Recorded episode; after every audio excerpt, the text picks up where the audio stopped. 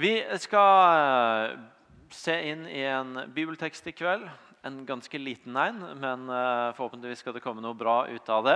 Starte en ny serie, og eh, jeg gleder meg til å se hvor det bærer. La oss be en liten bønn sammen før vi går videre. Gode Jesus, jeg takker deg for at du er her. Jeg takker deg for det vi allerede har fått være med på i kveld. Jeg takker deg for at vi skal få gå inn i ditt ord nå, eh, og gjennom det få møte du. Jeg takker deg for at ditt ord aldri har en dårlig dag, og for at eh, vi kan få stole på at når vi går inn i ditt ord, så, så vil du møte oss. Og så er det ting der å finne for oss. Derfor så ber jeg deg nå, Hellige Ånd, om at du gjør ordet levende for oss, og at du lar det møte oss på den måten det skal møte oss, hver enkelt av oss sånn at det kan bli til liv og få prege våre liv.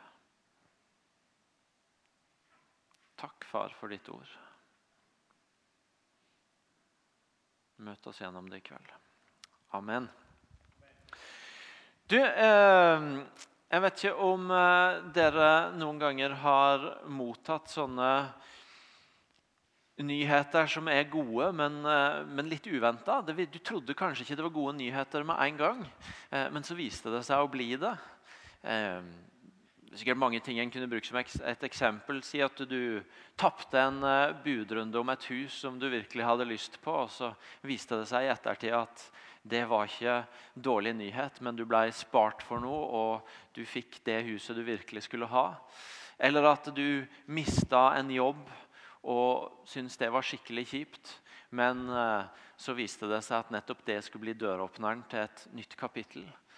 Eller et av barna dine opplevde noe tøft og utfordrende som du ikke helt visste hvordan du skulle se utgangen på. Og så viste det seg at det ble utfordringa som hjalp deg til å ta et nytt steg opp i vekst og modenhet. Eller la oss si at du mista bussen og syntes det var ganske kjipt, men på neste bussen så traff du drømmedama eller drømmemannen. Hva vet jeg? Dere tar poenget. Sånne ting som kanskje i høye første øyekast virker så bra, men så var det noe veldig bra der allikevel. I de månedene som ligger foran, så skal vi her i Imi-kirka gå gjennom Markusevangeliet fra begynnelse til slutt. Markusevangeliet, som er det korteste av de fire evangeliene, de fire bøkene i Bibelen som forteller historien om Jesus. Matteus, Markus, Lukas, Johannes. Markus kommer der som det andre og som det korteste. Og Det er actionutgaven av Jesusfortellinga. Det er som jeg sier, er det korteste, men det er litt sånn raske episoder. Raske skifter, korte episoder. Det står flere ganger 'straks etterpå'. Det er mindre ord enn eh, de andre evangeliene. Mindre tale, mindre undervisning. Det er mer handling. Det er mer fart. Det går fortere i Markusevangeliet. Det var lenge et litt glemt evangelium fordi det var kanskje nettopp fordi det var såpass kort, og de andre evangeliene fortalte historien om Jesus mer utfyllende og mer detaljert. Og så var det jakten på den historiske Jesus som førte til at man oppdaga at oi, dette er jo antagelig det eldste av alle de fire evangeliene. Det som har vært der aller lengst. Og Mest sannsynlig så har det også vært en viktig kilde for Matteus og Markus når de evangeliene ble skrevet. Og Så kom det på en måte litt fram fra glemselen igjen hos mange. Det er antagelig skrevet av nettopp en som heter Markus, og som vi møter i Bibelen. Eh, jeg skal ikke gå langt inn i, inn i det, men, men, i apostlenes gjerninger så møter vi en som heter Markus, på noen punkter. Eh, blant annet eh, så er det han som er utgangspunktet for konflikten mellom Paulus og Barnabas, Barnabas i Apostlenes gjerninger 15, når de ved starten av den andre misjonsreisen til Paulus skiller lag, så er det fordi Paulus ikke vil ha med seg Markus. Fordi han under den første misjonsreisen hadde forlatt dem og reist hjem igjen på ett punkt. Han hadde ikke villet bli med dem videre. Og Det likte Paulus såpass dårlig at han nekta å ha med Markus på neste reise. og Da ble det konflikt, og de skilte lag. Ikke det at det er så viktig for det jeg skal snakke om i dag, men som en liten sånn sideanmerkning som forteller oss bare noe om at noen ganger når vi lager veldig sånn idylliske bilder av hvor perfekt alt var for 2000 år siden med den første kirka, så får vi en liten påminner om at ja, det var noen ting å ta tak i, og noen ting de ble brynt på der òg. Og så kan det nevnes at hvis du leser brevene til Paulus nøye, så er det mye som tyder på at Markus gjenvant Paulus sin tillit seinere i livet. Og han snakker finere om han etter hvert igjen. Det er, Markusevangeliet er veldig tydelig ei fortelling. Eh, er, du kan lese det som en fortelling. og Forskninga viser at det er veldig sannsynlig at denne fortellinga har eksistert en god stund muntlig før den ble skrevet ned, og at den da nettopp har blitt fortalt som en fortelling. Det tar ca. to timer å fortelle Markusevangeliet som en fortelling. Og det er sannsynlig at den har blitt fortalt i sin helhet på hjem, på markedsplasser, i synagoger, andre steder, som ei fortelling. Og det betyr at når, du, når, vi i denne tida skal på en måte få tak i historien og, og prøve å, eh, prøve å gripe, gripe fortellinga Markus forteller oss, så kan du se for deg en gjeng som sitter rundt et middagsbord for eksempel, og hører denne historien fortalt om Jesus og hvem han var, og hva han gjorde og hva han sa. Ei fortelling. I dag vi skal, ta, vi skal ta i tida som ligger foran, cirka antagelig fram til påske så skal vi ta bit for bit. Jeg vil tro sånn cirka et kapittel i uka. Og håper at du vil være med, ikke bare å komme på søndag og høre en avvisning, men å, å lese tekstene i, i, uka imellom, og på den måten bli med inn i fortellinga i denne tida. Bli med inn i evangeliet om Jesus. Vi skal ta bit for bit. I dag skal vi begynne veldig rolig, fordi jeg skal bare snakke om det aller første verset i Markusevangeliet. Kapittel 1, vers 1. Eh, og det var Noen som kommenterte i formiddag når jeg gjorde det, at eh, det var litt ironisk at jeg hadde begynt med å liksom holde veldig høyt Markus som action-evangeliet. Og så begynt hvor alt gikk så fort, og så begynte jeg med ett vers av gangen. Men fatt mot. Vi skal speede opp etter hvert. Eh, hadde vi holdt tempoet med ett vers per søndag, som Eirik sa, så spørs det om jeg hadde vært pastor når vi, fort, når vi var ferdig. Eh, for det ville tatt ei stund. Jeg har ikke regna på hvor lenge. Han antyda 2050. Men vi skal skru opp tempoet. Men, eh, og vi skal ikke gjøre det bare for å komme fortere igjennom, men nettopp fordi som jeg sier, at det er en fortelling. Og, vi har behov for, og det er viktig for oss å ikke bare bore oss dypt ned i hvert enkelt vers, men å faktisk få tak i tak i et litt større strekk av fortellinga.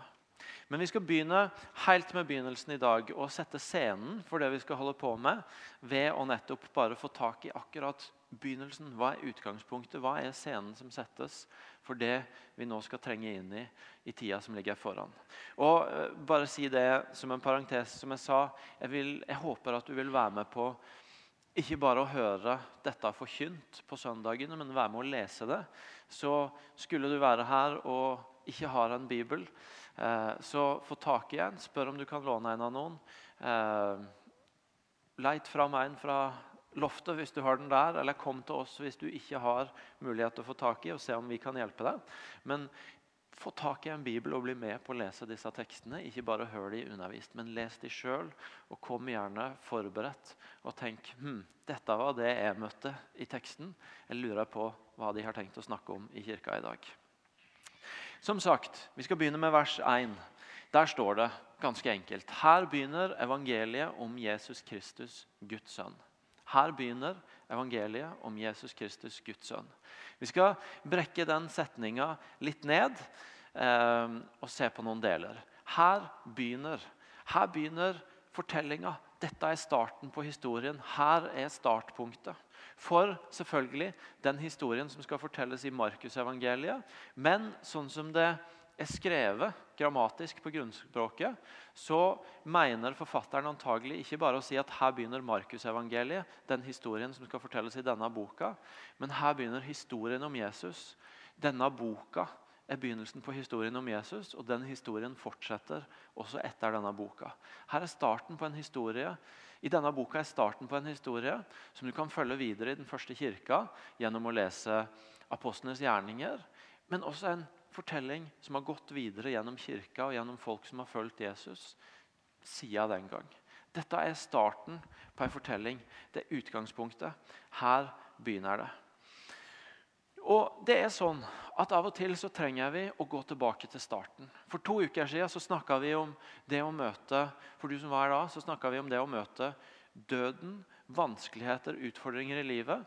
Og vi sa noe om det å leve livet som om at det er en reise som har et mål. Og vi, vi holdt fram hvor viktig det er å vite hvor vi skal. Hva som på mange måter er, eh, er målet på reisen vår. Og det er fortsatt veldig sant. Men så er det faktisk òg ganske viktig å vite hva som var begynnelsen. Hvor begynte det? Hva var utgangspunktet? For uh, halvannen uke siden så var jeg i begravelse til Marie, som var barneleder her. God venn, god kollega jeg var veldig glad i. Og, uh, og I minnesamværet så sa hennes far så siterte han de orda som hadde lytt uh, på Marie sin dåpsdag fra 1. Peters brev. Lovet være Gud, vår Herre Jesu Kristi Far, Han som har født oss på ny og gitt oss et levende håp. Og Det var også de orda som eh, det kunne ha vært, Han skulle ha snakka med meg på forhånd, så kunne det vært akkurat de orda jeg hadde brukt ved grava til Maria. Men jeg leste en annen variant som i praksis sa det samme. Og Så viste han hvordan de orda som hadde lytt ved starten av hennes vandring med Jesus, også var de som lød når hun var ferdig ved sitt liv her på jorda og sånn sett hadde nådd målet, kommet, eh, kommet til Gud, eh, kommet til himmelen. Eh, det er noe med å ikke bare vite enden, men også vite startpunktet. Og Det trenger vi på mange ting i livet. av og til. Vi kan noen ganger i ekteskapet ha behov for å stoppe opp og, og minne hverandre på ok, men hva var egentlig utgangspunktet for at vi to ble glad i hverandre og, eh, og valgte å holde sammen. Hvis den har gått seg litt bort. Det kan være noen ganger i jobben eller i det studiet du holder på med, hvor det er bare tungt, og du er lei og du lurer på hvorfor jeg egentlig bruker tida mi på dette. her. At du trenger å gå tilbake til begynnelsen og spørre deg sjøl ja, men hvorfor, hvorfor begynte jeg med dette. Hva var utgangspunktet? Hva var greia? Kanskje er du noen ganger kjempelei av å bo i denne byen. Jeg snakka med ei for et par uker siden som bare jeg måtte konsentrere meg, for jeg har i løpet av mine sju år rukket å bli ganske bra, glad i Stavanger. og hun talte om Stavanger i ganske nedsettende termer eh, fordi hun var lei. Og så, og så, måtte vi ta det tilbake til ok, men hva er utgangspunktet. Hvorfor, Hvorfor valgte du å bo her i utgangspunktet? Og du kan fylle inn selv. Noen ganger så trenger vi å gå tilbake og finne ut ja, men hva, hvor begynte egentlig dette. Og Sånn er det i livet vårt med Gud også. I vår vandring med Jesus. At Noen ganger så, så stopper det opp. Det blir, det blir, tungt, det blir kjedelig. Det blir, vi lurer på hvorfor vi holder på med dette. Og så hender det at vi trengs å ta oss tilbake til utgangspunktet. Her begynte det. Dette var utgangspunktet. Dette er grunnen til at jeg valgte å følge Jesus. Her begynte historien, og dette var grunnen. Noen ganger så møter vi utfordringer, kjipe ting. Eh, ting som virkelig rokker ved troa vår. Og så trenger vi å gå tilbake igjen til utgangspunktet. Her begynte det. Det var, det, var, det var, dette som gjorde at jeg begynte på denne vandringa. Og som kirke Noen ganger så går det, går det i stå for oss som kirke, noen ganger så stopper det opp. Noen ganger så lurer vi på blir det noe av dette. Og så er det utrolig viktig å ikke bare se framover og leite etter den mest moderne, nye greia vi kan finne på som skal redde oss, men å faktisk gå tilbake til helt begynnelsen av historien, som er den begynnelsen som, og den historien som vi begynner på her, og finne ut ok, men hva var utgangspunktet. Hvorfor er vi her? Hva er poenget med at det finnes ei kirke? Jo, den historien begynner der vi begynner nå. Her begynner det. I starten av dette evangeliet så begynner en fortelling som er utrolig viktig for mitt liv, for deres liv, for denne kirkas liv. Den begynner her. Og Hva slags historie er det som begynner? Jo, her begynner evangeliet. Her begynner evangeliet. Og Hva betyr evangeliet? Det betyr, de gode, det betyr gode nyheter. Hvis du har litt fartstid i kristne sammenhenger, så er det kanskje noe du har hørt noen ganger før. Har du som med vært tenåring på rett tid, så har du hatt sånn Nytestamentet som det sto godt nytt på. Eh, og Kanskje har du ikke hørt det før i det hele tatt, fordi du har ingen sånn historie. Men evangelium det betyr gode nyheter. Det betyr at her begynner det noen gode nyheter. Og Det er også faktisk veldig viktig å få tak i hvis vi skal gå tilbake til starten og finne ut hvorfor er vi her, hvorfor tror vi på disse greiene, hvorfor bruker vi livet vårt på Jesus. Hvorfor er dette så viktig? Jo, her begynner det noen gode nyheter for oss. Ikke dårlige nyheter, ikke gamle nyheter, ikke uvesentlige nyheter. Ikke vanskelige nyheter, men her begynner gode nyheter. Og Det er utrolig viktig for oss å få tak i at utgangspunktet er at dette er gode nyheter for mennesker som hører det. Det var meint at det skulle være gode nyheter. Og Det er ikke, det er ikke bare gode råd. Noen ganger kan vi kanskje lese evangeliet, lese historien om Jesus som om at det primært er gode råd. Her leser jeg, og så plukker jeg opp noen gode tips til hvordan jeg skal leve livet. Og så har jeg fått noen gode råd fra Bibelen. Men det står faktisk ikke at her begynner de gode rådene fra Jesus, men her begynner de gode nyhetene. Det betyr at det er noe som har skjedd uavhengig av hva du har gjort. Det er noe som allerede er gjort. Ikke et godt råd til du om hva du bør gjøre, men en god nyhet om noe som har skjedd, og som er gode nyheter for ditt liv hvis du tar det imot.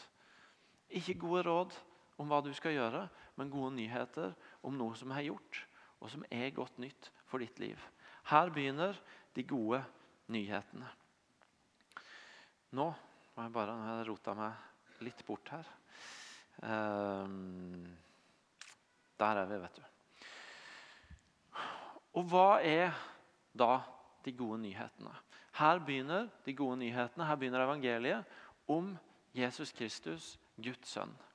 Her begynner de gode nyhetene om hva? Om Jesus Kristus, Guds sønn. Med andre ord, Her begynner ikke de gode nyhetene om ei trosetning. Her begynner ikke de gode nyhetene om kirka, men her begynner de gode nyhetene om en person, om Jesus Kristus, Guds sønn. Jesus, gresk for Joshua, som betyr Gud frelser, eller Gud redder. Det navnet sier veldig mye om hvem han var og hva han kom for.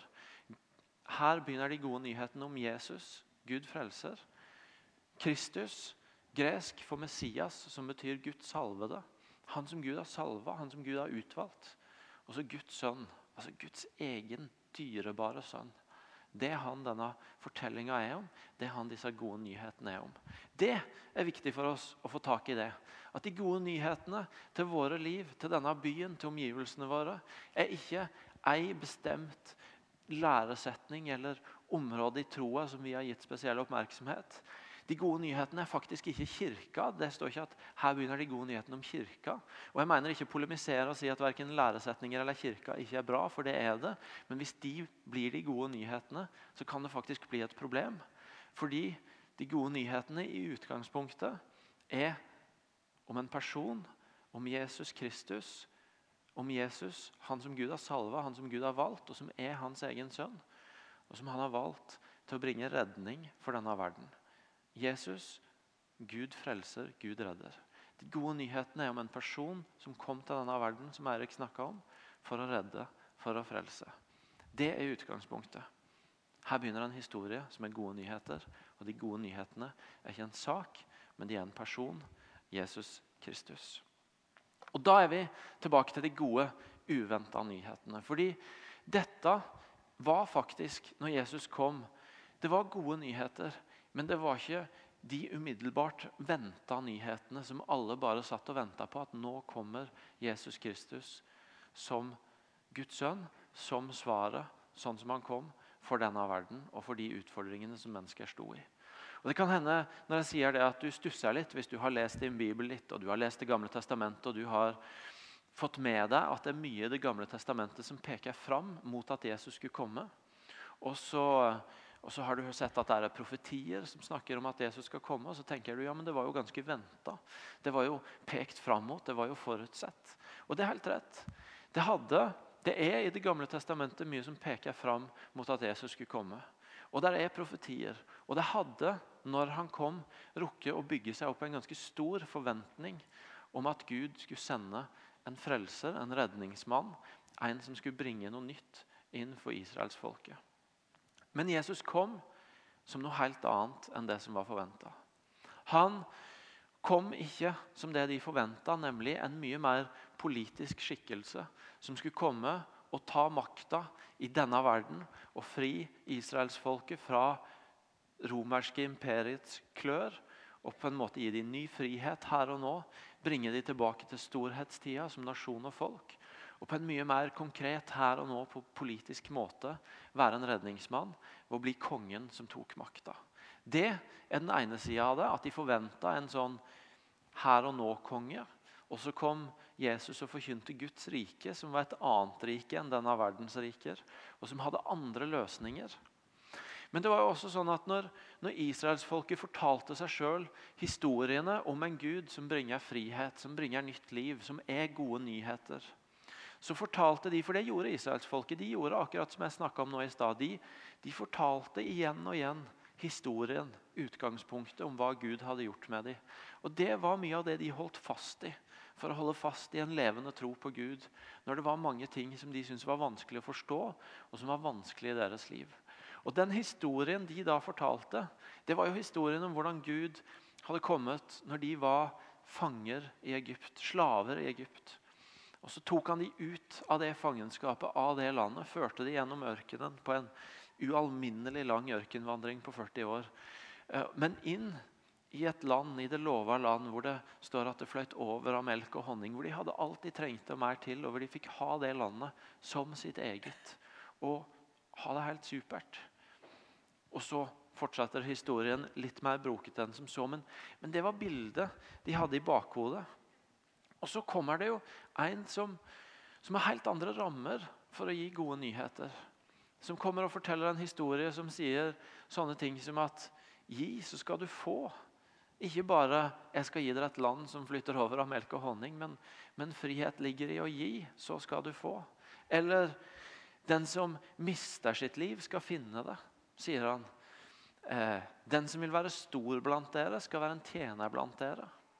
Han peker på ei enke som bare har lagt noen få mynter i kollektkurven. Og så sier han hun har gitt mer enn alle dere andre som egentlig ga mye mer penger, fordi hun ga av det lille hun hadde. Det kommer en som bare forteller helt andre historier, og som gir andre svar, og som presenterer en annen nyhet enn det de hadde venta og trodde var gode nyheter. Og det var gode nyheter, men det var uventa nyheter. De var bedre enn de de hadde venta. Fordi dette var nyheter som ikke var avhengig av de ytre omstendighetene. Jesus kom faktisk med nyheter som kunne gjelde, og som en kunne holde fast på, og som kunne gi liv og trygghet. Uavhengig av om det var det romerske imperiet som styrte over folket, eller ikke. Om de bodde i landet sitt eller ikke.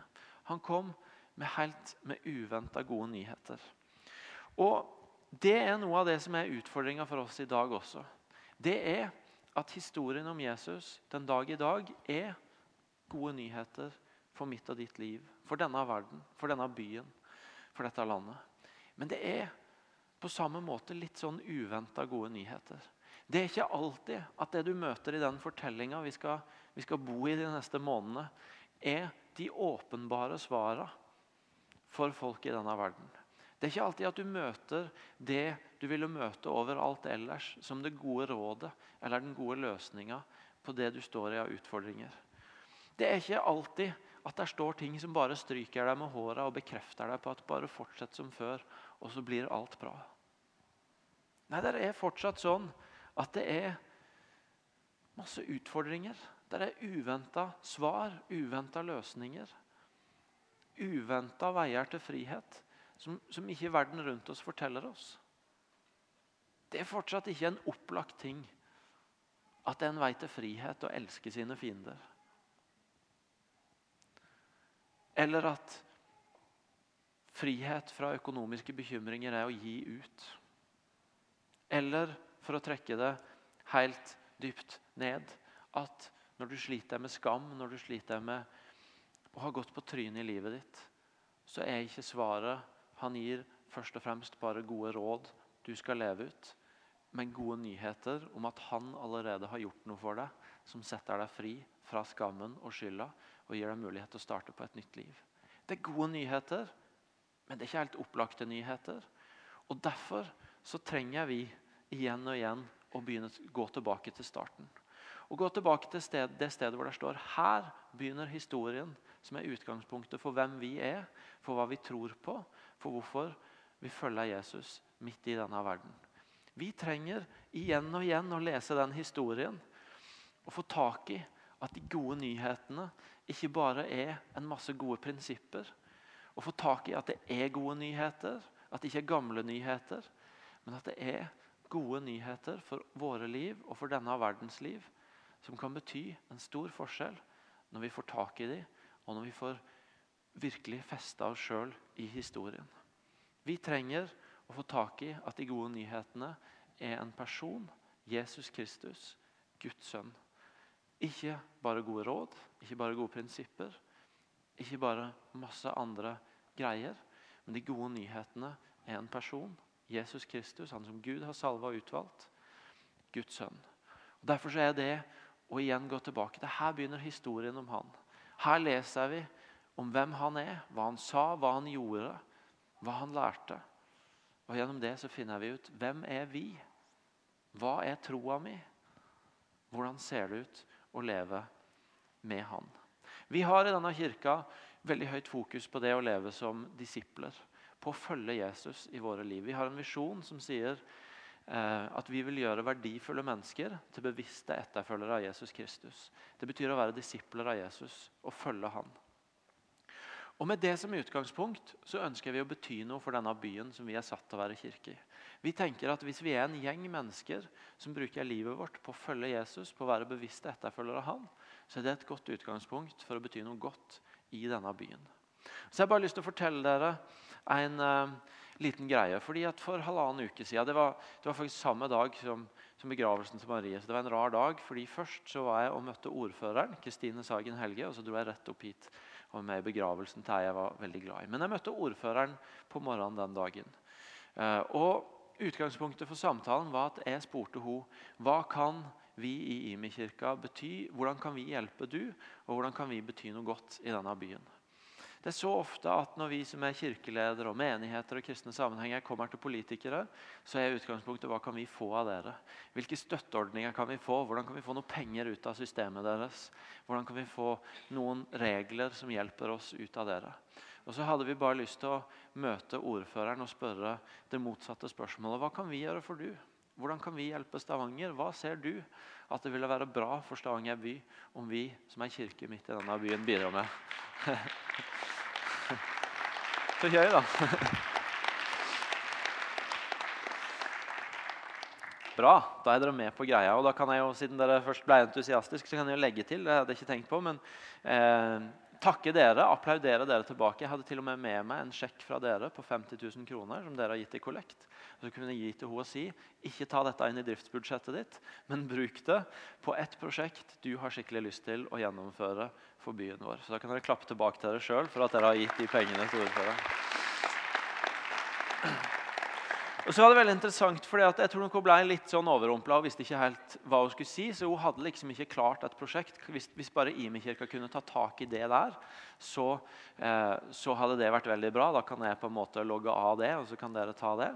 Eh, men hun sa noe om at vet du noe, i Stavanger så er det utrolig viktig for oss. Vi har en plan hvor vi ønsker å jobbe med å høyne frivilligheten her i byen. Fordi at eh, det er så mange ting som vi som eh, er politikere, som det offentlige kommunen osv.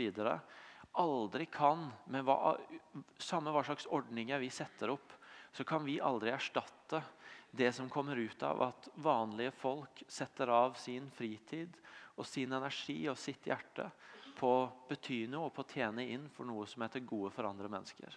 Så egentlig det beste dere kan gjøre, som dere allerede gjør, hvis dere bare kan gjøre det enda mer, og å få i gang frivillighet og mobilisere vanlige folk i denne byen til å være med og bidra inn i nabolagene sine, på arbeidsplassene sine, i sånne frivillige ting dere gjør, som, som vi gjør her på huset, som språkskole, Lys i mørkebussen, som var ute i går kveld. Um, og jeg kunne nevne mange andre ting vi gjør. Så hjelper dere meg som ordfører til å lykkes, og dere hjelper denne byen. Og Det synes jeg var et litt spennende svar. fordi at Da sier egentlig ordføreren, hvis du oversetter ordførerspråk, nemlig i Stavanger har vi vedtatt en frivillighetsplan, til pastorspråk, nemlig vi vil gjøre verdifulle mennesker til bevisste etterfølgere av Jesus Kristus, så tenker jeg at, at det hun sier, det er egentlig gå tilbake og få folka dine til å følge Jesus i hverdagen sin. Gå tilbake og fortsette å mobilisere dem til å leve ut sånn at de betyr noe for mennesker rundt seg. Det er det beste du kan gjøre, og dere kan gjøre for å bety noe i denne byen. Er dere enig? Ja, Det er egentlig det hun sier til oss. Og Det betyr at vi ønsker ikke å være disipler og ei kirke i denne byen som bare er av denne byen. Og da, Hvis du har lest litt Bibel, så hører du sikkert sånn langt baki der et bibelvers hvor det står noe om å være i verden, men ikke av verden. Vi, vi, eh, ikke bare, vi skal ikke bare være noe som er som alt annet i denne byen. Sånn at det like gjerne kunne vært en annen organisasjon som gjorde det. Vi skal ikke bare ligne på alt annet, gi alle de samme svarene, gjøre alle de samme greiene. Det er ikke vår rolle. Vår rolle er å komme tilbake og gå tilbake til starten. Her begynner historien. Og finne ut hva er den og så ikke bare ligne på alt annet, men ha noe distinkt, noe særegent, som er oss. Men så er det heller ikke sånn at konsekvensen av at vi ikke skal være av byen, er at vi er disipler og ei kirke som er mot denne byen. Det er utrolig dumt hvis det som begynte som her begynner evangeliet, her begynner de gode nyhetene, blir til kirka som forteller de gode, dårlige nyhetene til byen. Hvis vi bare, fordi vi ikke skal være av byen, blir de som er mot byen, som forteller om alt som burde vært annerledes, alt som er feil, alt som folk gjør galt, og på den måten blir dårlige nyheter for mennesker i denne byen, da må vi på et eller annet sted ha gjort feil. Fordi Hvis vi går tilbake til begynnelsen av historien, så står det at her begynner de gode nyhetene om Jesus Kristus. Vi skal være disipler og ei kirke som er for denne byen som har gått tilbake til utgangspunktet. Her begynner de gode nyhetene om Jesus Kristus. Og funnet ut så godt hva det er for noe, hva den fortellinga er, og hva den forteller, og hva som er gode nyheter i den fortellinga. At vi kan gå inn og feire de tinga vi ser rundt oss som er skikkelig bra, og som er godt for denne byen. Akkurat som vi nettopp gjorde når vi ga til nettverk etter soning. Men vi kan også gå inn og se på mennesker i denne byen og på det som er i denne byen, og gå inn på de stedene hvor det er ting som ikke er som det skulle være. Og være med på å tjene, på å forløse, på å bringe gode nyheter fra Jesus Kristus til de situasjonene og mennesker, menneskers liv og situasjoner som er ikke sånn som de skulle være, og som de var tenkt å være. Ikke av byen, ikke mot byen, men for byen. Gode nyheter for mennesker i denne byen, som kan gi disse herre uventa svara som en ikke møter så mange andre steder. Nemlig at å ja, du er i konflikt med naboen din eller kollegaen din. Har du prøvd å velsigne han? Det er det ikke så mange andre som forteller, men det er gode nyheter ifølge Jesus.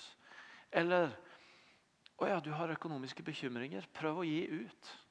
Det er det ikke så mange andre som sier. Men det tyder på at det er noen av de gode nyhetene fra Jesus. Eller som jeg sa i stad, Ok, du sliter med skam, med skyld, med at det har gått helt på trynet, og du, du vet ikke hvordan du skal få komme deg opp. Ja, Vi har ikke bare noen gode råd å gi deg om hva du burde gjøre nå, men vi har gode nyheter til deg om at det fins en ny start. At det fins en som har tatt straffa og skammen din, og som kan gi deg en mulighet til å få begynne på nytt. Han heter Jesus. Det er han de gode nyhetene er. Og han har tatt straffa di. Han har gitt deg en mulighet til å begynne på nytt. Vi skal være ikke av byen, ikke mot byen, men for byen og bringe de gode nyhetene om Jesus Kristus hit. Det er en som heter Tim Keller. Det er ikke så viktig for dere å vite hvem han er. Men han har satt i gang en hel sånn bevegelse av menighetsplanting, bl.a. i USA. Og Han har sagt om det de gjør, at, og de har lykkes på mange steder, og bl.a. i mange store byer, sånn som New York, hvor det generelt er veldig veldig vanskelig å bygge gode kirker. Og tøft miljø for det. Og Han sier om det de har gjort, at vi har tenkt lenge og hardt på evangeliet. Og så har vi tenkt lenge og hardt på kulturen vi er i. Og så har vi funnet ut hvordan vi gjør kirke og hvordan vi lever livet som disipler ut det. Og Det er egentlig utfordringa til oss også her i dag. Det er å gå tilbake til begynnelsen og tenke om du vil lenge og hardt på hva er de gode nyhetene om Jesus Kristus. Hvem er han? Hva er historien? Hva betyr det at her begynner de gode nyhetene? Og Hele veien vende tilbake til det utgangspunktet og holde fast i hva er de gode nyhetene. Det er gode nyheter. Hvem er han? Hva gjorde han? Hva sa han? Og så åpne øynene våre for menneskene rundt oss, og hvem de er, og hvilke situasjoner de lever i. Og hva som er deres utfordringer. Og så finne ut ja, hva er det med Jesus Kristus, Guds sønn, som er gode nyheter inn i de menneskenes liv. Og På den måten så lever vi midt i den historien som begynner i Markus 1,1, og som fortsetter den dag i dag. Og Derfor så har jeg bare lyst til å invitere dere i dag til å bli med på den reisen inn i Markusevangeliet. Til å leve i den historien, til å lese han, til å tenke på han, til å be over han, til å spørre hva det betyr. Sånn at vi kan vite at vi er disipler av ei kirke som veit hva de gode nyhetene er, og hvem han som er de gode nyhetene, er. Sånn at når vi ser rundt oss, så kan vi klare å oversette det til hva det er med den historien som er gode nyheter for de menneskene vi lever rundt. Blir dere med på det? Så bra. Da kan dere få reise dere opp, så skal vi be litt sammen.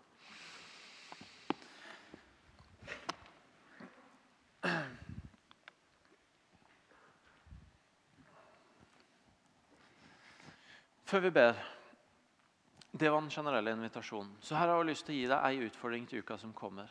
Og det er å spørre deg sjøl hvor i ditt liv du trenger å gå tilbake til begynnelsen av historien med Jesus og finne ut hva er det ved han som er gode nyheter inn i den situasjonen jeg er i nå? Kanskje har du gått deg litt bort i troa di. Kanskje har du møtt noen trøkker eller noen ukloke kristne eller et eller annet som gjør at eh, de gode nyhetene har begynt å bli dårlige nyheter eller gamle nyheter eller uvesentlige nyheter. Hvor er det du trenger denne uka som ligger foran, å bare vende tilbake til? Her begynner de gode nyhetene og få tak i at det er gode nyheter, og hva de gode nyhetene er for ditt liv. Ta med deg det gjennom denne uka og begynn å lese i Markus 1 om han som er de gode nyhetene. Og så bare begynn å spørre om det. Spør hvor er de gode nyhetene for mitt liv her. Hvor er det jeg trenger å komme tilbake til begynnelsen? Skal vi be sammen. Jesus, takk for at du er gode nyheter. Og takk for at det er nyheter, ikke gode råd. Jeg takker deg for at du har gjort det. Ditt liv, den du er, det du sa, det du gjorde, ikke minst det at du døde og sto opp for oss. Det er gode nyheter for oss. Og Jeg ber deg for oss som er her inne i dag, om at vi skal få, få sammen gå tilbake til begynnelsen. Og Få tak i at du er gode nyheter. Og få tak i hva det betyr i våre liv her og nå, og i livet til de menneskene vi har rundt oss. Jeg har lyst til å be deg konkret for de som er her inne nå, som, som vet at de har mennesker rundt seg som trenger gode nyheter. Som trenger nyheter om du inn i tøffe situasjoner. Og så, og så, står de her og vet at ja, Jesus er gode nyheter, men det er definitivt ikke der de jeg har rundt meg, venter å finne svaret. Og så ber jeg deg om at de skal få være sånne som bringer gode, uventa nyheter som du er. Svar som ikke var venta, men som allikevel var veien til frihet. At de skal tørre å bare gå over det steget og bringe de uventa, men de beste nyhetene til denne verden. Jeg har lyst til å be deg for de her inne som er blitt såra og derfor har opplevd at de gode nyhetene er blitt til dårlige nyheter. At du skal kalle tilbake igjen til utgangspunktet og begynne å vise en annen historie.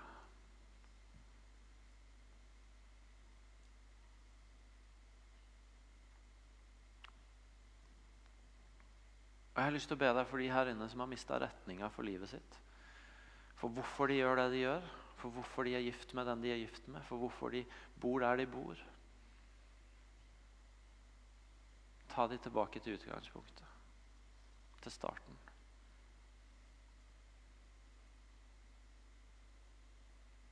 Og la de gode nyhetene om du, Jesus, få bli en ny start der hvor ting har gått seg fast. Ny start, Jesus.